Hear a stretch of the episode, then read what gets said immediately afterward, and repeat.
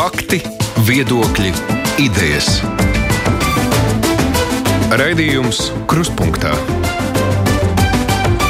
ar izpratni par būtisko. Studijā Aits Tomsons. Mēs šodien turpināsim sarunu par vidas aizsardzību un reģionālo attīstību. Vakar te bija diskusija par to, kā paredzēts ir izlietot to naudu, kas ir ieplānota nākamā gada vidas aizsardzības un reģionālās attīstības ministrijas budžetā. Šodien savukārt studijā ir ministrs Artūrs Toms Plešs, kurš uh, atbildēs uz žurnālistu un klausītāju jautājumiem. Labdien! Jums. Labdien! Es jau reklamējot, iezīmēju tās dažas aktualitātes, kādas ir. Simt dienas strādā jaunās apvienotās pašvaldības sāks darboties pūdeļdebzītas sistēma, atkrituma tarifa, atsakot to tematisko loku. Trešdienās nosaka klausītāji ar saviem jautājumiem, un arī kolēģi žurnālisti, kas pieslēdzas sarunai attālināti. Šoreiz tā ir Sandra Dieziņa no Latvijas avīzes. Sveicināti! Labdien! Un Jānis Goldbergs no dienas biznesa. Sveiks! Labdien! Nu, klausītāji, kā parasti, var vai nu zvanīt 6722, 888. Tās iespējas pacelt klausuli šeit ir krietni ierobežotākas, vai rakstīt caur mājaslapu mums raidījumam krustpunktā. Nu, par šīm te pašvaldībām tikai iesākot šo sarunu simt dienām runājot. Kādas ir tās pirmās refleksijas, jeb atskaņas jums? Nu, kopumā jāsaka, ka tas darbs uh, pašvaldībās gan šajās simts dienās, gan sagatavojoties administratīvi teritoriālās reformas spēkā stāšanai, ir bijis pietiekami intensīvs. Bet tās pirmās indikācijas uh, no vairākām pašvaldībām uh, mums kopumā uzrāda labu tendenci, ka kopumā jau primāri pašvaldībām tīri tehniski apvienojoties lielākās vienībās, mēs redzam ietaupījumu attiecībā uz administratīvā resursu samazinājumu. Eh, mēs redzam, vairākās pašvaldībās tur finansiāls ietaupījums ir. Eh, taču, eh, kas ir svarīgi, arī pašas pašvaldības aktīvi domā, kādā veidā uzlabot administratīvo struktūru, kādā veidā uzlabot pakalpojumu sniegšanu iedzīvotājiem. Un šeit mēs jau redzam ļoti daudz konkrētus piemērus pašvaldībās, kur ietaupot līdzekļus, tos var no, novirzīt, teiksim tā, dažādi veidi, piemēram, sociālā atbalsta palielināšanai, tā, lai tas būtu izlīdzināts visā novada teritorijā teritorijā. Nu, tā piemēram, ja iepriekš Lūdzes novadā brīvpusdienas sēdza tikai pirmās no 5. līdz 12. klases skolēniem, tad tagad jaunajā teritorijā tas ir pilnīgi visiem skolēniem no, tiek nodrošināts brīvpusdienas. Līdzīgi mēs redzam arī citās pašvaldībās, piemēram, Kuldīgas novadā bērnu piedzimšanas pabalsts ir noteikts 200 eiro apmērā, iepriekš, piemēram, Skrundas novadā, kas tostarp arī ietverts Kuldīgas novadā, tas bija vien 75 eiro. Līdz ar to šādi eh, daudz piemēri mēs redzam eh, visā Latvijā, eh, kur piemēram šis sociāla atbalsta slieksnis ir izlīdzināts un ar augšupējošu tendenci, kas tiešām mērā ir pozitīvs ieguvums iedzīvotājiem. Un tā viena lieta ir izlīdzināšana, tas otrs, protams, lielā mērā jau tika runāts, ka nu, tātad lielāka pašvaldība var atļauties, ja sākt organizēt lielākus projektus attīstībai, gan tiekot pie naudas, gan līdz ar to vairāk resursu tam veltot. Uh, ir pamanāmas arī kaut kādas iestrādes jau šajā ziņā? Jā, e, es to noteikti varu teikt, jo, piemēram, arī šis gads e, pašvaldībām bija pieejams e, ļoti daudz dažādu atbalsta instrumenti, aizdevumu Covid-19 seku sekšanai, dažāda Eiropas Savienības fondu līdzfinansējums uzņēmē darbības stimulēšanai, un šeit tādā ziņā, lai pašvaldības varētu uz šiem līdzekļiem pieteikties, viņiem bija nepieciešams kopīgs apvienojumās teritorijas lēmums līdz 1. jūlijam. Un šeit mēs redzam, ka piemēram, ir tāda programma no Eiropas Savienības fonda atbalsts, kas ir specifiski domāta uzņēmējdarbības attīstībai. Iepriekš tā bija pieejama tikai pašvaldībām, kur ir attīstības centrs. Tas nozīmē, ka lielākā daļa no pašvaldībām, 119 pašvaldību modelī, bija ārpus šāda atbalsta mehānisma. Tagad mēs redzam, ka struktūrējot šīs pašvaldības vienotā administratīvā vienībā, viņam uzreiz ir piekļuva šim resursam, un arī pašvaldības jau, teiksim, teiksim, dažādu veidu rūpniecisku attīstību vai citu veidu uzņēmējdarbības attīstību, var rēķināties arī ar citām teritorijām, būtībā jaunām teritorijām, jaunā administratīvajā iedalījumā, un arī, teiksim, tā lielāku potenciālo darba spēku, kas ir svarīgi uzņēmējiem. Tādā ziņā skaidrs, ka trīs šīs simts dienas ir tikai, tikai iesākums. Arī nākamajā gadā mēs no valsts budžeta līdzekļiem esam paredzējuši kopumā 100 miljonus tikai papildus šīm atbalsta investīcijām, kas kas tiešām mērā sasniegs iedzīvotājus un būs arī būtisks pienesums uzņēmē darbības attīstībai. Un ir skaidrs, ka šādā 43 pašvaldību modelī šobrīd tā kapacitāte būs daudz lielāka un būs arī lielākas iespējas piesaistīt uzņēmējus. Man sanāca arī diezgan daudz arī šajā vasarā apmeklēt dažādas pašvaldības, nu, paraudzīties, kā tad sokās ar uzņēmē darbības attīstību un tieši uzņēmē darbības piesaist. Un mēs šeit nu, bija ļoti skaidri piemēri redzam, vai tas būtu piemēram aizkrauklē vai Daugaupilī vai citās pilsētās, kur investīcijas šīs, kas ir nākušas no varam, tiešā mērā ir palīdzējušas gan piesaistīt vietējo kapitālu, attīstīt, gan arī ārvalstu kapitālu. Tā kolēģi, es tagad vārdu jums, es atkāpjos no tālākās iztaujāšanas, Sandra Lūdzu. Ministra kungs sacīja, ka uh, ir ietaupījums, bet savukārt manā rīcībā esošā informācija liecina, ka tieši uh, daļa pašvaldība saka, ka nekāda ietaupījuma nebūs, jo klāt ir nākuši jauni pienākumi un izdevumi. Un izdevumi pat palielināsies. Un, un, un, piemēram, Mārups un Ādeža novada Mārups un Babītis pašvaldībā ir sacījuši manai kolēģei, ka, ka Inā Reiglē, ka šo novadu attīstību šobrīd jau uz pusi pusgadi ir nobremzēti. Un laikā, kad vajadzētu īstenot projektus, viņiem jāsadarb, jānodarbojas ar dažādu pabalstu sistēmu, grāmatvedības, IT sistēmu saskaņošanu un jāpārskata administratīvās struktūras, tad, nu, kur šeit ir ietaupījums. Nu, jāsaka, ka ja jūsu arī pieminētās pašvaldības ir vienas no visturīgākajām pašvaldībām jau šobrīd Latvijā. Un es domāju, ka būtu ļoti nopietni šīm pašvaldībām ir jāstrādā, lai turpmāk attīstītu uzņēmējdarbību un piesaistītu investīcijas. Mūsu viens no tādiem lielajiem mērķiem, lai ieviestu administratīvu teritoriālo reformu, salīdzinot ar to, kas notika 2009. gadā, kad pašvaldībām bija dots tikai mazāk nekā pusgads, lai sagatavotos procesam, un būtībā visu nākamo sasaukumu pēc reformas tika pavadīts eh, dažāda veida sistēmu salāgošanā. Mēs reformu pieņēmām uh, gadu uh, līdz spēkā stāšanās, specifiski dodot pašvaldībām iespēju jau laikus izdomāt šos dažāda veida sadarbības modeļus, kādā veidā tiks sniegti pakalpojumi. Šeit arī varams nāca talkā ar daudz un dažādām rekomendācijām visdažādākajos griezumos, tostarp sadarbojoties ar pašvaldībām mēs šos apkopojumus veicām. Un, nu, šeit lielu darbu pašvaldības jā, varēja izdarīt arī līdz 1. jūlijam, tā vietā, lai tagad eh, nu, eh, nodarbotos ar dažādu pārmetumu izteikšanu. Mm. Nu, daudz kas atkarīgs no pašas pašvaldības. Tieši jā. tā. Kāda, kāda šobrīd ir, vai šī apvienošanās eh, rīt sekmīgi un vai visiem to izdosies pabeigt? Jo, piemēram, kā jau atkal Latvijas avīzē tika rakstīts, ka Dobelē, piemēram, līdz gada beigām ir noalgots bijušais varam valsts sekretāra vietnieks Draudīnkungs, kurš jau izteicies, ka trīs mēnešu laikā gandrīz nekas nav izdarīts reformas īstenošanā, ka tas būs milzīgs izaicinājums. Nu, tā, tā to daļu atbildes jau es atbildēju iepriekš, bet no otras puses mēs eh, ministrija ļoti rūpīgi sekojam katrai pašvaldībai līdzi, eh, kā ar šiem apvienošanas darbiem eh, sokās. Un arī tādā ziņā ir prieks, ka arī valsts kontrole arī ir šo jautājumu ņēmusi kā ļoti nopietnu, arī seko līdzi šim apvienošanās procesam, lai tas būtu gan veiksmīgs, gan arī pozitīvs no finansiālā ietaupījuma viedokļa. Tā kā jebkurā gadījumā, ja būs kaut kādas problēmas, arī nu, rīcība no ministrijas sekos. Nu, Lienta raksta šādi, nu, ka šobrīd tas runājot par to ietaupījumu, varbūt ir tikai deputātu skaits. Tātad iedzīvotāju pārstāvniecība pašvaldībā ir samazināta, tur ir ietaupījums, bet tie darbinieki jau visi saglabā darbu un aparāts pat pieaug. Viņas E, tas tā nav. Protams, e, tas, ko mēs redzam, piemēri e, visā Latvijā ir ļoti dažādi. Tādā ziņā, protams, pašvaldības ir dažādas, ir ievēlēti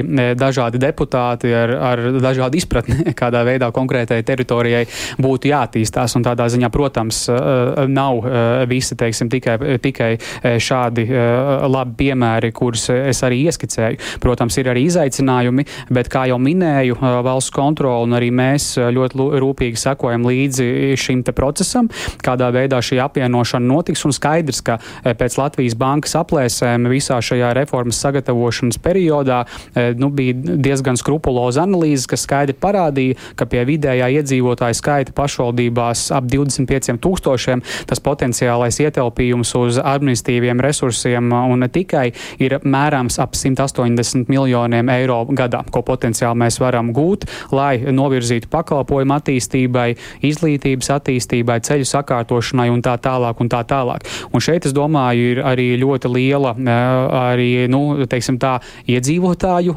tā teikt, atbildība prasīt savai domai arī šo rezultātu. Un tas tiešām mērā, nu, un, nē, nu, tu redziet, ļoti iedzīvotāji ļoti aktīvi visdažādākajos veidos iesaistās pašvaldības darbā. Un šeit tādā ziņā tā ir pašu pašvaldību atbildība rūpēties par to, lai nodokļu maksātāju līdzekļi, kurus iedzīvotāji samaksā, tiktu izmantoti liederīgi un jēgpilni. Jāni. Nu, jā, es šeit padzirdēju par to aktivitāti un iedzīvotāju iespējām. Jaunais pašvaldību likums dod vairāk iespējas iedzīvotājiem visādām aktivitātēm, paredzot, ka tieši viņi kaut ko iesāks un izvirzīs problēmas, kas ir jārisina.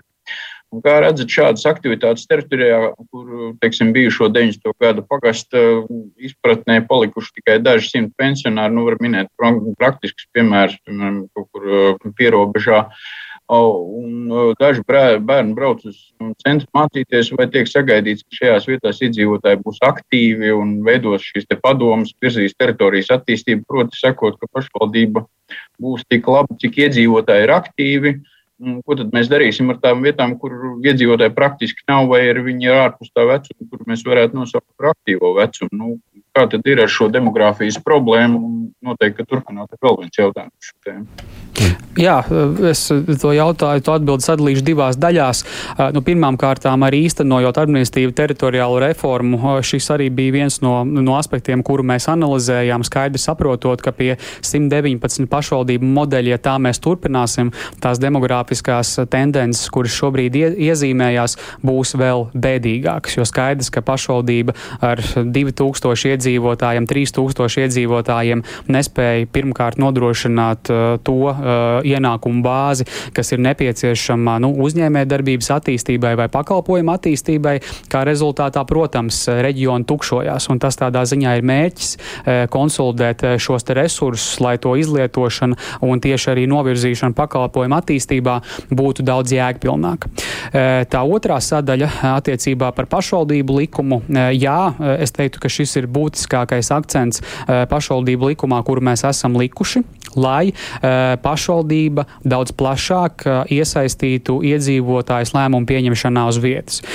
Jo tas, ko mēs esam šajos gados novērojuši, ka nevienmēr ne un ne visur, bet vairumā gadījumu pašvaldība tom, pašvaldības tomēr iedzīvotāji iesaisti lēmumu pieņemšanas procesos vairāk saredz kā traucēkli, un to arī ir norādījuši dažādi eksperti. Bet mūsu ieskatā jēgpilni iedzīvotāji iesaista lēmumu pieņemšanā uz vietas tikai vairos gan novadu labklājību, e, gan arī to, kādā veidā šī e, sabiedrība un kopības izjūta veidojas uz vietas.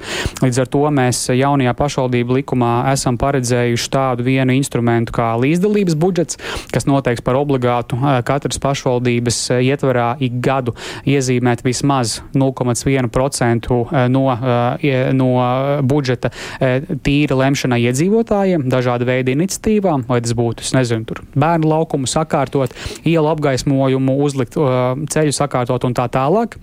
Tāpat ir paredzēta kolektīvā iesnieguma iespēja pašvaldībās. Šobrīd ļoti aktīvi notiek arī diskusija saimas gaiteņos, un es ceru, ka tiks pielikts punkts arī pašvaldību referendumiem. Un, protams, to, ko arī minēja par šo pagasta valžu izveidošanu, tas tādā ziņā nebūs obligāts pasākums katrā pagastā. Un arī likumā tiek piedāvāts gradēt to pēc iedzīvotāju skaita, kur šis slieksnis ir 1500 iedzīvotāju konkrēti konkrētajā pagasta teritorijā, eh, zem kuras, ja tas ir zem, attiecīgi pašvaldība var lemt vai šo te pagasta valdi veidot vai neveidot. Tādā veidā arī ne, ne, neiet akli birokrātisku ceļu, ka katrā vietā mums tas ir nepieciešams. Bet tas, kas katrā pagastā būs un kas ir mūsu arī mērķis, lai iedzīvotājiem pakalpojumi ne, netālinātos un būtu iespējams piekļūt gan valsts kā pašvaldību pakalpojumiem līdz 23. gadam, 23. gada beigām mēs esam plānojuši izvietot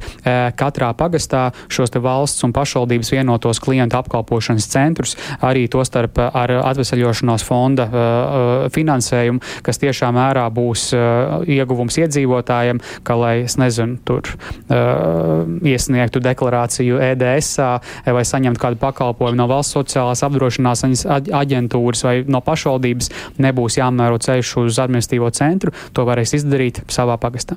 Mm -hmm. Jā, kolēģi, jā, Jānis, sapratu, tu gribēji vēl turpināt otru jautājumu. Es, jā, par šo pašu, teiksim, arī par to pašu demografijas problēmu. Un, un teiksim, te ar tiem iedzīvotājiem ir saistāms, ka lielākais, teiksim, nodokļu ieņēmums, tas ir iedzīvotāju ieņēmumu nodokļu pozīcija pašvaldību budžetā, kas arī veidojās no tā, cik ir tie iedzīvotāji vispār. Uh, ja paskatāmies uz to struktūru, tad nevienmēr novada centrā ir liela pilsēta, kas ir kā ankurs teiksim, visai, te, visam pasākumam. Un, un vēl aizvien ir tā tendence turpināties. Es domāju, ka nākotnē pēc Eiropas statistikas prognozēm būs tā pati virzība uz centriem, ka darba migrācija būs uz lielajām pilsētām. Un te ir tas jautājums, vai vispār mūsu pašvaldība reforma nav ar kaut kādu tādu turpinājumu, ka pēc mirkļa mums atkal vajadzēs kaut ko palielināt šīs te teritorijas vai apvienot kaut kādām lielākām pašvaldībām. Jo izskatās, ka pašreiz mēs risinām tādu tā starposmu, jeb nevis risinām pašu problēmu, bet atrisinām tikai to, ka uz laiku, pēc 30 gadā mums būs atkal jāskatās, nu, vai nevajag kaut ko izdarīt, palielināt, piemēram, sadalīt kurzem, latgalu un četras lielas pašvaldības. E, e, es domāju, šeit e, jūsu analīze ir vietā attiecībā uz to, kā līdzīgi arī Eiropas Savienības valstīs šī attīstība notiek, kur mēs redzam, tas darbspēks koncentrējas un tā sociālā ekonomika, sociālā ekonomiskā attīstība primāri attīstības centros, pilsētās tā tas ir, un tas nav izņēmums arī Latvijā, un šeit arī, nu, raugoties uz dažādiem pētījumiem, ko ir veikuši gan universitāte, gan, piemēram, Latvijas mobilais telefons, pētot iedzīvotāju kustību un arī citus, mēs redzam, ka tā eh, tiešā veidā šī sociāla ekonomiskā aktivitāte koncentrējas attīstības centros. Bet eh, tas, ko arī mums tā teikt noteica satversmes tiesa savā spriedumā attiecībā uz Ozolnieku un Ilūksas novadiem, Viņa skaidri atzīmēja to, ka viens no svarīgākajiem reformas kritērijiem ir tas, ka uh, konkrētajā teritorijā ir jābūt šim attīstības centram, lai tādā veidā pašvaldība varētu viengabalaini un, un, un plānot šo attīstību un investīcijas. Tieši tā iemesla dēļ, lai arī pildītu šo satversmes tiesas spriedumu, uh, vidas aizsardzības un reģionālās attīstības ministrija uh, nu, sagatavoja piedāvājumu, kur būtībā ir 2025. gadu valsts pilsētu pašvaldības uh, izņemot uh, Rīgu, uh, tiek uh, apvienotas vienotā administratīvā vienībā ar pieguļošiem novadiem. Jo šeit mēs šobrīd jau redzam, ka tā sociāla ekonomiskā attīstība un tā darba spēka migrācija no pieguļošā novada ir uz šo te valsts pilsētu. Piemēram, ja mēs paraugāmies uz Ventspils novada teritoriju, tad vairāk nekā puse no Ventspils novada iedzīvotājiem strādā Ventspils pilsētā. Berkungs arī prasīja, tiešām izdosies apvienot šo Ventspils pilsētu, Ventspils novadu, jo pilsētas un novada pārvalde, protams, saka, ka tas nav vajadzīgs. Nu, mēs, e, nu, vēl paturpinot, un Ventspils šajā pašā novadā 80% no iedzīvotājiem strādā ārpus sava novada. Tas nozīmē, ka šāda veida nu, uzņēmējdarbības potenciāls vai uzņēmējdarbības vide īsti nestrādā, un mums tādā ziņā ir, ir jāiet e, tas, tas ceļš, kur, tā, kur tas dabiski vienkārši notiks. Un šeit jau tā arī varam analīze kopīgi ar ekspertiem un diskutējot jau tika sagatavot 2019. gadā, kas arī bija sākot sākotnējais varam nu piedāvājums, ka valsts pilsētas mēs plānojam kopā. Nu, prieks, ka arī e, saimnes atbildīgā komisija e, ir atbalstījusi e, šo te varam piedāvājumu. Sagaidāms, ka arī tuvākajā laikā par to saima lems pirmajā lasījumā, jo mums tādā ziņā laika nav daudz. Šis lēmums ir jāpieņem līdz gada beigām, lai mēs pildītu satversmes tiesas spriedumu. Sandra. Es tieši gribēju jautāt par šo valsts pilsētu apvienošanu ar blakus novadiem, jo, piemēram, Liepājas un Daugaupils gadījumā tas būtu diezgan traki, jo ir atšķirīgs iedzīvotāju skaits. Un tas nozīmē, ka, piemēram, domē varētu savēlēt deputātus, pilsētas deputātus, kuriem nebūtu interesi nodarboties ar lauku problēmām. Vai jums ir pārliecība, ka šo projektu par lauku, un, uh, pils, lauku novadu un pilsētu apvienošanu saimē varēs pietiekami rūpīgi izvērtēt un izanalizēt visus plusus un mīnus, lai, tos, lai tas nenotiktu steigā. Nu, pirmkārt, jāatzīmē, ka tiešām tas izvērtējums un arī konsultācijas ir bijušas pietiekami padziļinātas gan sagatavojot sākotnējo reformas piedāvājumu 19. gadā, gan arī šobrīd gatavojot šīs redakcijas iesniegšanai saimai. Saimā es arī organizēju konsultācijas ar, ar pašvaldībām šajās esošajās teritorijās. Šeit ļoti būtiski arī atzīmēt tas, ko arī satversmes tiesa savā analīzē norādīja, kur viņi skaidri pauda, eh, ka eh, teiksim, šo te valsts pilsētu un eh, novad, pieglošo novadu apvienošana nekādā ziņā neapdraud iedzīvotāju nu, iespējas sevi pārstāvēt un savas intereses pārstāvēt plašākā, plašākā teritorijā. Līdz ar to es domāju, šī bažas ir mazāka. Ja mēs paraugamies piemēram arī uz, Lat uz Latviju, Latvijas karti un to iedalījumu arī pēc 1. jūlija notikušajām vēlēšanām, nu, mēs redzam, piemēram, bijušais Rundāls mērs, kas ir bijis eh, salīdzinoši maza teritorija, šobrīd vada Lielo Bauskas novadu. Eh, līdzīgi arī, piemēram, Tukumā Engurs eh, priekšsēdētājs bijušais vada jauno Tukumu novadu. Tā kā man nav nekādu, nu, teiksim tā, ilūziju vai bažu par to, ka deputāti, kuri ir pietiekami aktīvi, spēt pārliecināt par savu piedāvājumu, var pārstāvēt iedzīvotāju intereses visā plašajā teritorijā. Tas primāri atkarīgs no paša deputāta kandidāta, cik viņš ir aktīvs un spējīgs pārliecināt iedzīvotājus par savām idejām un tās arī realizēt. Es lūkošu uzklausīt kādu, kurš mēģina piezvanīt mums. Halo! Jā, lūdzu! Halo. Labdien, runājiet! Dzirdam jūs, jā, jautājiet! Dzirdiet? Dzirdam, dzirdam, runājiet! Es varu runāt? Jā, ku, Es saprotu, ka kundze ne mūsu lāga dzird, mēs viņu dzirdam, bet viņi visu laiku saka, halo, halo. Jā. Uh, nu, te, jautājot savukārt par citām tematikām, droši vien arī ir vērts prasīt savukārt par uh, tēmu, kas skaitās saistībā ar vidi. Te prasu, vai mēs domājam par atomenerģijas iegūšanu Latvijā. Varbūt vajadzētu visiem trim samesties un domāt kopā. Andrs raizējās par to, kas šobrīd darās enerģētikas tirgu. Nu, jā, par, par šo tādā ziņā par atomenerģiju nu, nav domāts. Bet, un netiks domāts. Nu, es domāju, ka mums ir pietiekami liels potenciāls un liels iespējas Latvijas teritorijā attīstīt eh, vēja un, un saules enerģiju un arī ieguldīt eh, energoefektivitātē. Skaidrs, ka arī šī eh, energoresursu krīze, kas šobrīd notiek, jāsaka, ir ļoti satraucoša kopumā, bet jāsaka, ka arī šeit ir ļoti daudz dažādi apstākļi sakli, sakrituši ļoti neveiksmīgi vienlaikus visā pasaulē, gan atkopšanās no Covid, gan vēja nesamība atsevišķās vietās, gan arī citi kompleksi faktori, tur arī nu, lielu, uh, lielu gāzes uh, vadu un citu veidu līniju uztu, teiksim, uz, uzturēšanas darbi, kas tādā ziņā visu to procesu ir sadedzinājis.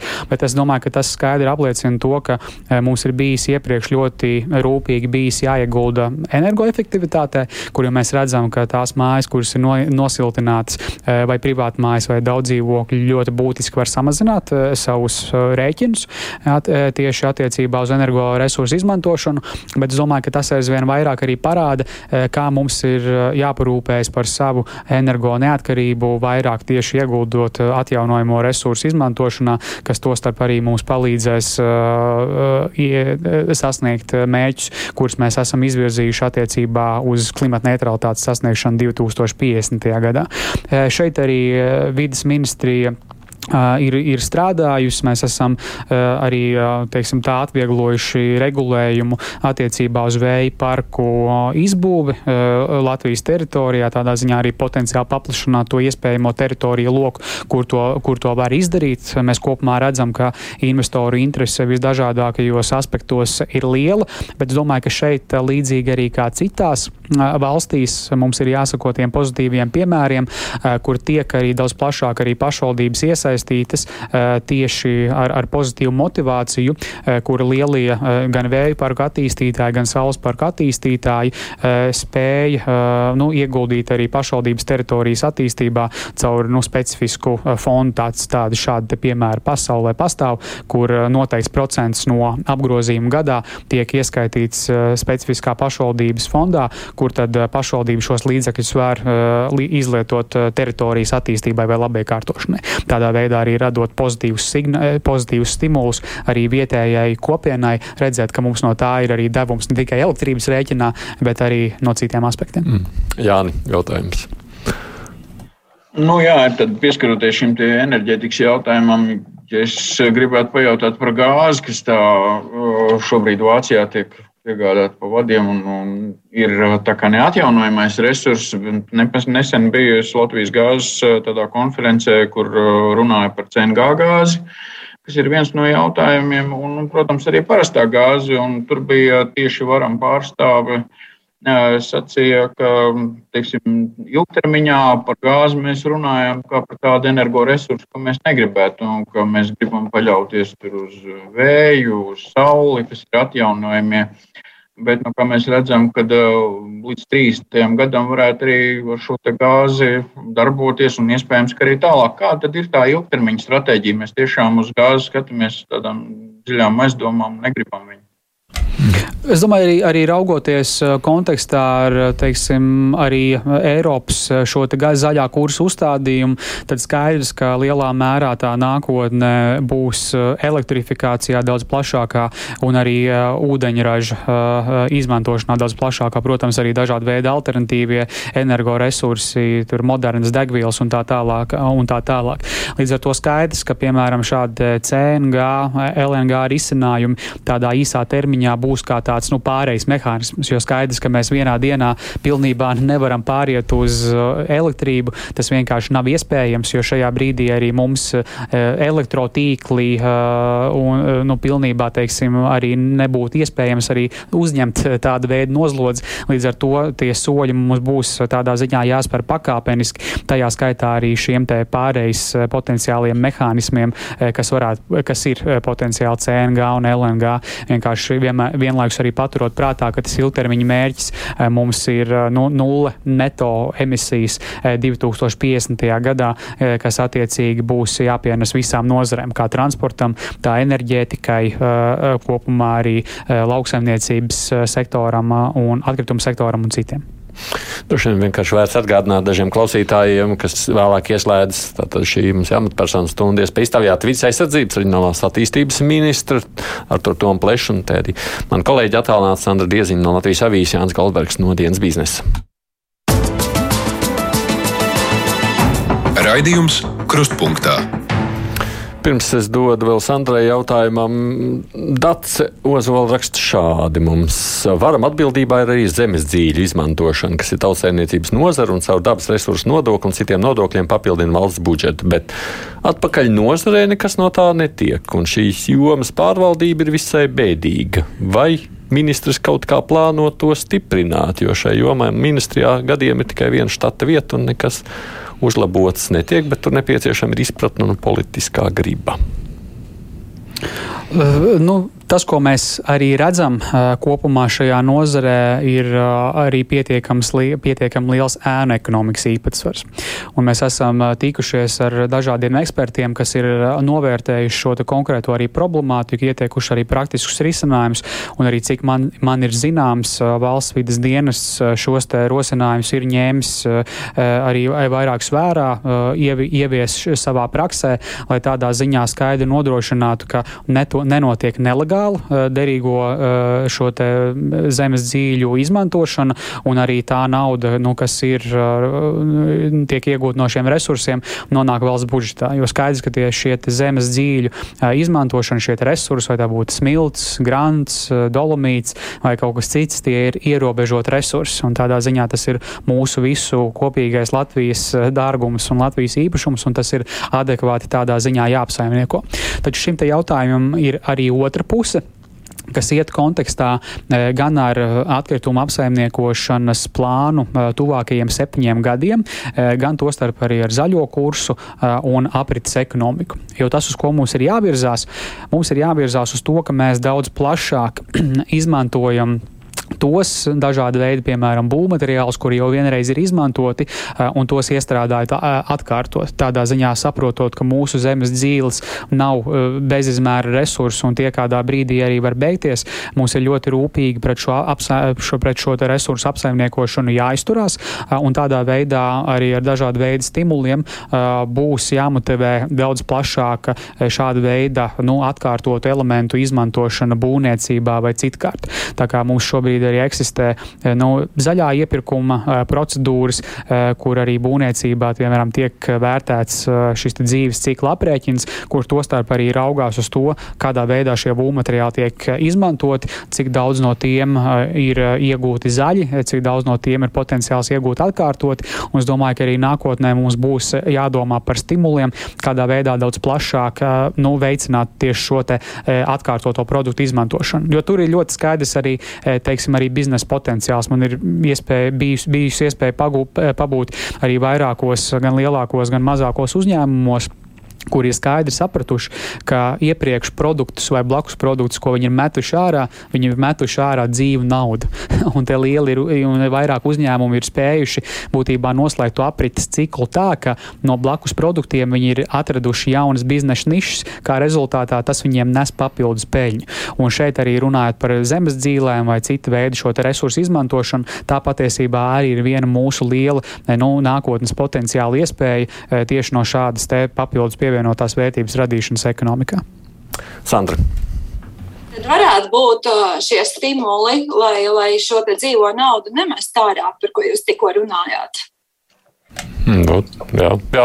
Es nesadzirdēju, vai varētu būt šie stimuli, jā, lai nemestu ārā ar šo dzīvo naudu, Sandra prasa. Uh, jā, nu, teiksim, gadu no gada jau, piemēram, ir dabas resursu nodokļa likums, kur, teiksim, ir vairākas likmes, kas, teiksim, gadu no gada ar tādu iestrādātu trepi jau ceļās uz augšu. Es domāju, ka nākotnē, nākotnē raugoties, kādā veidā mēs varētu stimulēt no vienas puses plašāk jau atkārtot atkārtotu resursu izmantošanu plašāk. Eh, šis varētu būt viens no risinājumiem eh, eh, tieši dabas resursu nodokļa koriģēšana un pārskatīšana, taču es domāju, ka šeit arī nu, plašāk tieši arī publiskajam sektoram būtu jārāda piemērs, ka nu, primāri nu, veicot dažādu veidu nu, būvniecības darbus vai citkārt, mēs dodam primāru tiem resursiem, kas ir iegūti no, no tādiem produktiem, kas jau ir izmantoti vienreiz. Tādā ziņā šo plašāku pievienoto vērtību arī radot. Un šeit mēs redzam, ka tur ir nu, visplašākajā mērā daudz, daudz dažādu risinājumu iespēju. Tāds prasa, tā, tā ministrijas kapacitāte tur varētu tikt stiprināta tajā ziņā, vai jums šķiet, ka viņi ir pietiekoši šobrīd? Ministrijas kapacitāti tieši? Mm, es domāju, ka šajā brīdī ministrijas kapacitāte ir, ir pietiekama un, un līmenī no, da, no, dažādiem, no dažādiem aspektiem. Protams, tajā brīdī, ja mēs redzam, ka kaut kur ir kaut kādas problēmas un pieklibo, mēs tos resursus pārvirzam iekšēji, lai tādā ziņā tā darba kvalitāte neciest. Es pamēģināšu vēl pacelt arī klausuli tomēr. Halo! Labdien! Labdien! E, man ministram tāds jautājums ir. Ogres novads Mazozo pagasts. Septiņus gadus mums ir iecelts, nevis izvēlēts, bet iecelts e, priekšnieks. Nav bijusi neviena sapulce. Pats viņš brauka 100 km turpat pakaļ no Ogres u, uz Mazozo pagastu, e, izmantojot, cik es saprotu, jo mēs nezinām, kur tie naudas līdzekļi paliek. E, visus līdzekļus, e, lai apmaksātu sev benzīnu, ēd bērnu ēdnīcā, kā mēs to varam atrisināt. Ja Nu, cilvēks lūk, grib ietekmēt procesu. Ko darīt? Ļoti labi, ja jūs gadījumā redzat, ja ir kaut kādas, teiksim, potenciāli pārkāpumi, kur pašvaldības amatpersonas likuma normas neie, neievēro. Es aicinu droši vērsties gan ministrijā, gan tiesību sargājušās iestādēs, un mēs šīs situācijas izskatām. Mēs tādā ziņā ļoti rūpīgi sekojam ik, ik, katram, ik katrai pašvaldībai līdzi, kādā veidā tas darbs norit. Bet kas attiecas uz to, ka viņam šķiet, ka tur ir iecelts un viņš nav ne, ievēlēts? Pašal, nu, un... Tur pašvaldības domē jau ir uh, tiesības iecelt šos pagastu pārvalžu vadītājus, ja es saprotu, ja šo mm -hmm. konkrēto tāds bija tas jautājums. Tur neko, jā, pašvaldība doma, kā vēlam tā ielemj. Sandra, turpiniet. Jā, es gribēju turpināt uh, par šo te gadījumu Dobels novadā, kur knabs sauc kriminālu procesu par iespējamu koruptīvu lēmumu pieņemšanu, kur figurē divi saimnes deputāti. Nu, Kāds ir jūs kā pašvaldības uzraugošā ministra komentārs šajā lietā? Nu, mēs kā ministrija esam inf bijuši informēti par šādu notikumu, un mēs arī vērsīsimies Dobels novada pašvaldībā pie deputātiem ar aicinājumu izvērtēt šos riskus, kas, kas varētu rasties, ja gadījumā šīs te, nu, vēlēšanas ir bijušas nelikumīgas un tur ir bijuši kaut kāda veida koruptīvi darījumi vai, vai, vai, vai kaut kas tam līdzīgs. Bet skaidrs, ka arī šeit tiešāk arī pašām tiesību sargājošajām iestādēm iestādēm būtu nu, teikt, jārīk, jārīkojas šajā jautājumā, ja tur kaut kādi konkrēti apstākļi ir. Bet skaidrs, ka nu, jeb, jebkurā gadījumā lēmumi vienā pašvaldībā vai citā pašvaldībā tiem ir jābūt caurspīdīgiem un to tie nekādā gadījumā nedrīkst būt nelikumīgi. Tā kā mēs no ministrijas puses deputātiem vērsīsim uzmanību, ja gadījumā tur kādas problēmas ir bijušas, nu, tad nu, ir jārīkojas sabiedrības interesēs. Mm. Labi. Savukārt no klausītājiem pirms atkal Jānis turpina saistībā ar atkritumu apsaimniekošanu. Kad man pierīgas privātmājas iedzīvotājiem būs pieejams šķirošanas konteineri pie mūsu privātmājas. Prasa te valdis, nu, kā tur iet ar šo atkritumu apsaimniekošanu. Pieprasiet pašvaldībai.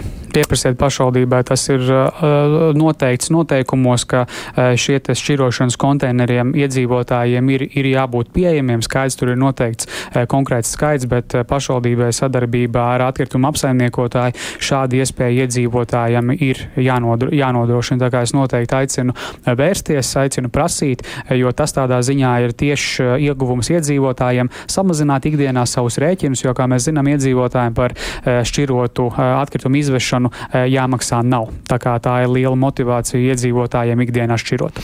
Droši vien pirms vēl ir viena lieta jāprecizē, skatoties uz klausītāju jautājumiem. Vides aizsardzības reģionālās attīstības ministrs nav priekšnieks uh, novadu vadītājiem nav priekšnieks novada vadīja. Viņš var pateikt, un tad jāpilda tur vienalga vai Baika kungs Valmierā. Vai...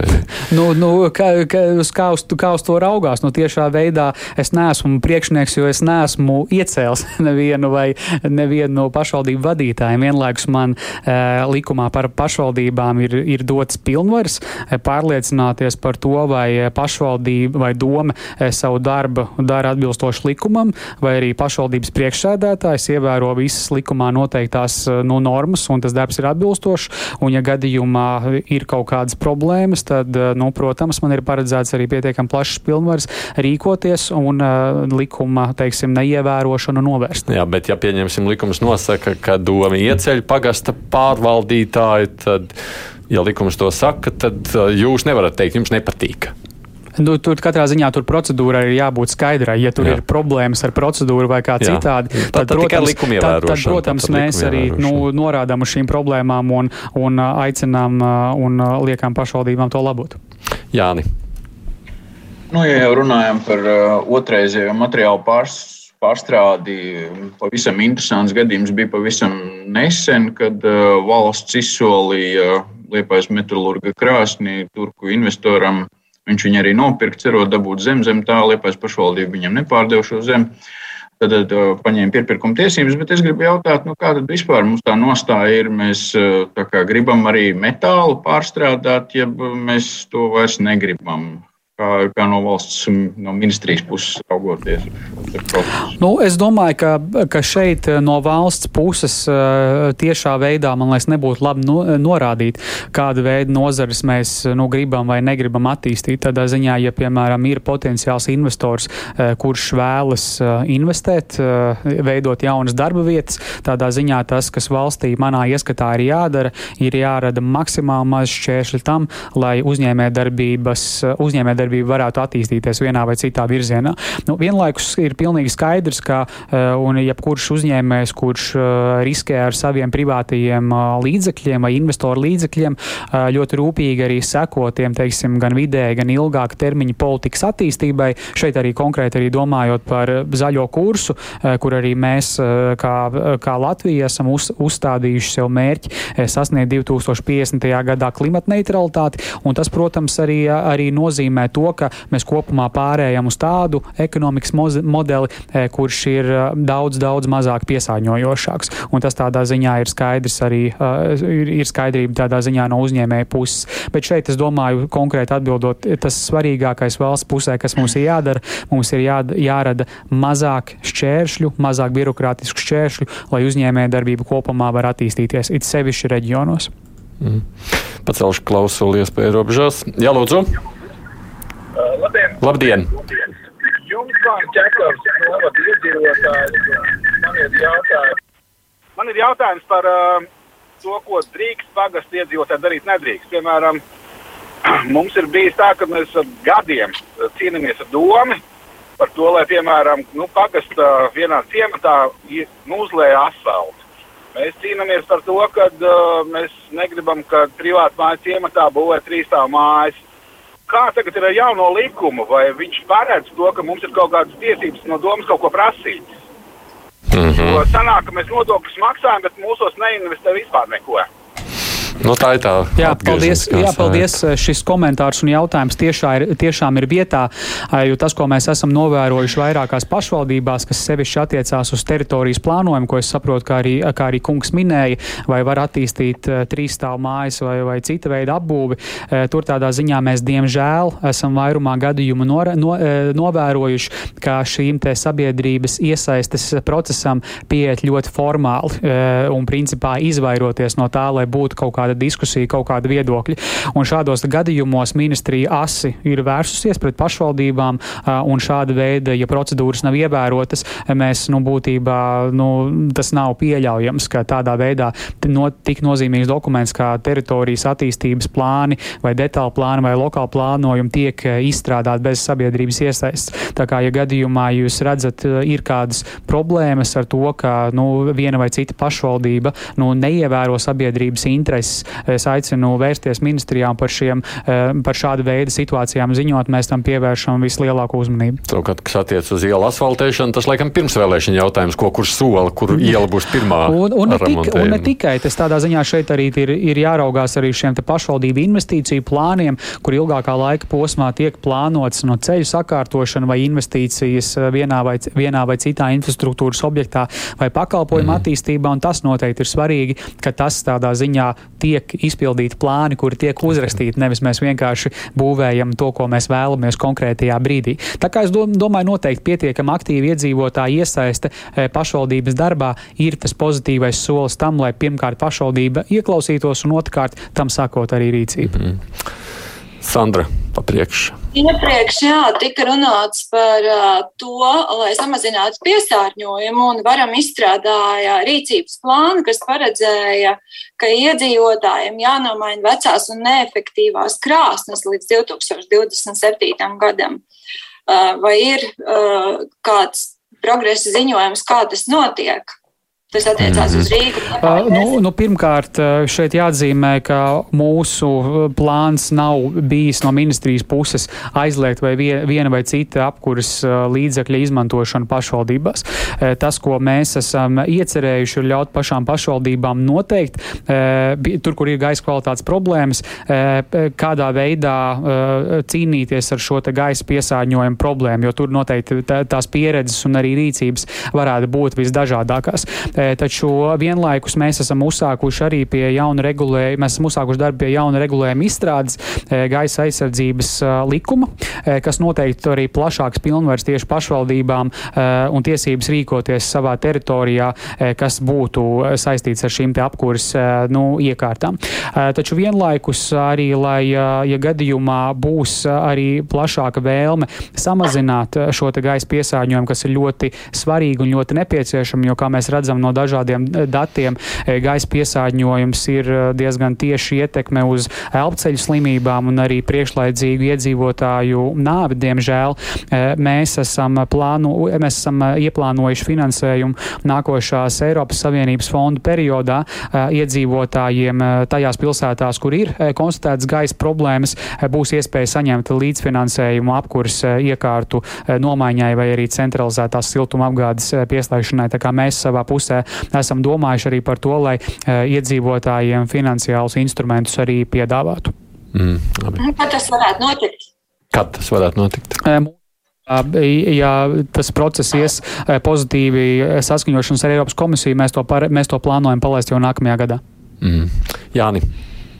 Es paturpinot par tām krāsnīm, ir dzirdēts baumas, ka varētu parādīties tāds saucamais skursteņu vai krāsnes nodoklis, vai, vai tas ir tikai runas, vai tam ir kāds pamats? Nē, nekas šāds nav, nav, nav plānos tādā ziņā turpinot uz to jautājumu arī atbildēt, neko tādu mēs iecerējuši nesam. Droši vien kāds cits jautājums ar? Jā, jā, nu vēl viens precizējošs jautājums, ja es pareizi atceros no vecā pašvaldību likuma, tad um, iedzīvotājiem bija uh, tiesības visādi izpausties un piedalīties projekta apspriešanās, bet pašvaldībai nav nekāds pienākums viņos ieklausīties. Tad jaunais pašvaldību likums vai kaut ko citu nosaka? Jaunais pašvaldību likums nosaka plašāku iedzīvotāju, plašāku iedzīvotāju iesaistas iespējamību šajos procesos caur kolektīviem iesniegumiem, caur publiskiem ap, apspriešanām, ko, kā jau arī jūs minējāt, ir, ir pastāvējusi iepriekš.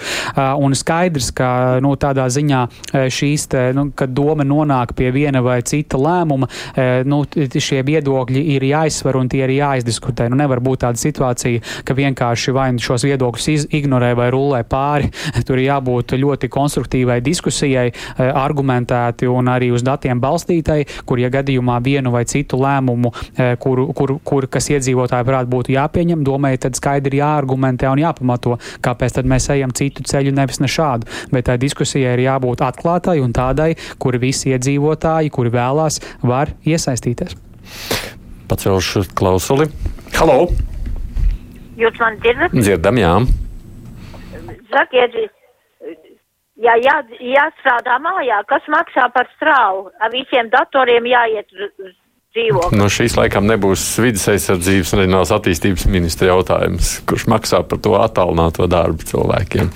Kompensācija jautājums jau droši vien jā, valdības lokā jādomā, bet nu, ne par šo. Nu, jeb, jebkurā gadījumā es domāju, arī mēs arī jau ir iestrādāts uh, likumā normas, kas daļēju šo te nu, mājās strādāšanu, nemaldos arī nu, var, var ļaut līdzfinansēt no darba devēja puses un arī raugoties tieši uz tādu nu, nākotnes nu, darba attīstības tendence, ir skaidrs, ka šī attālinātā darba komponente pieaugs un kaut kādā mērā arī tad, kad Covid būs beigsies, saglabāsies. Līdz ar to šeit noteikti būs jāmeklē papildus uh, risinājumi no, no, no regulējuma puses, kādā veidā mēs varam ļaut uh, no darba devējiem kompensēt dažādu veidu izdevumus, kas iedzīvotājiem un darba ņēmējiem rodas uh, darbojoties no mājām. Jūrmāls doma nav bijusi tiesīga lemt par šo iebraukšanas maksas laiku pagarināšanu secinājis, varam. Ko tad tālāk? Jā, mūsu ministrijas eksperti, tā teikt, izvērtējot šos saistošos noteikumus, kurus Jūrmālas doma ir pieņēmusi, mēs šodien arī nosūtījām Jūrmālas domai vēstuli. Mēs esam secinājuši, ka nu, šajā gadījumā Jūrmālas doma ir pārsniegusi savus pilnvars, lejot, lemjot par šī te periodu, kurā nodeva ir jāmaksā, un arī nodevas palielināšanu šajā procesā, jo vispār arī likums, likums likums par ceļiem nosaka to, ka valsts un pašvaldības ceļi, protams, ir primāri izmantojami bez maksas, un jebkat, jebkuram iedzīv, Latvijas iedzīvotājiem šā publiskā infrastruktūra izmantojama bez maksas.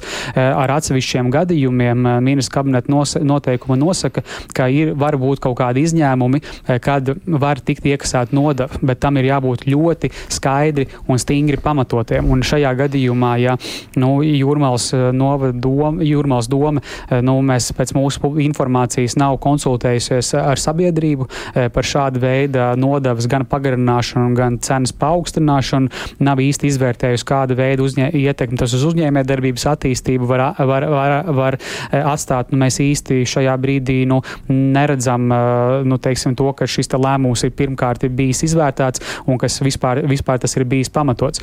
Jo mēs paraugamies, piemēram, iepriekšējo gadu, nu, turisma apjoms jūrmalā ir krīts pa 40%. Mēs joprojām dzīvojam Covid-19 laikā, visticamāk arī nākamgad kaut kādu periodu vēl dzīvosim. Īsti nerodas nu, sapratne, kas ir tie dati, uz kuriem mēs esam balstījušies, ka ir, ir paredzēts, ka nopietni pieaugs satiksme vienā vai citā aspektā.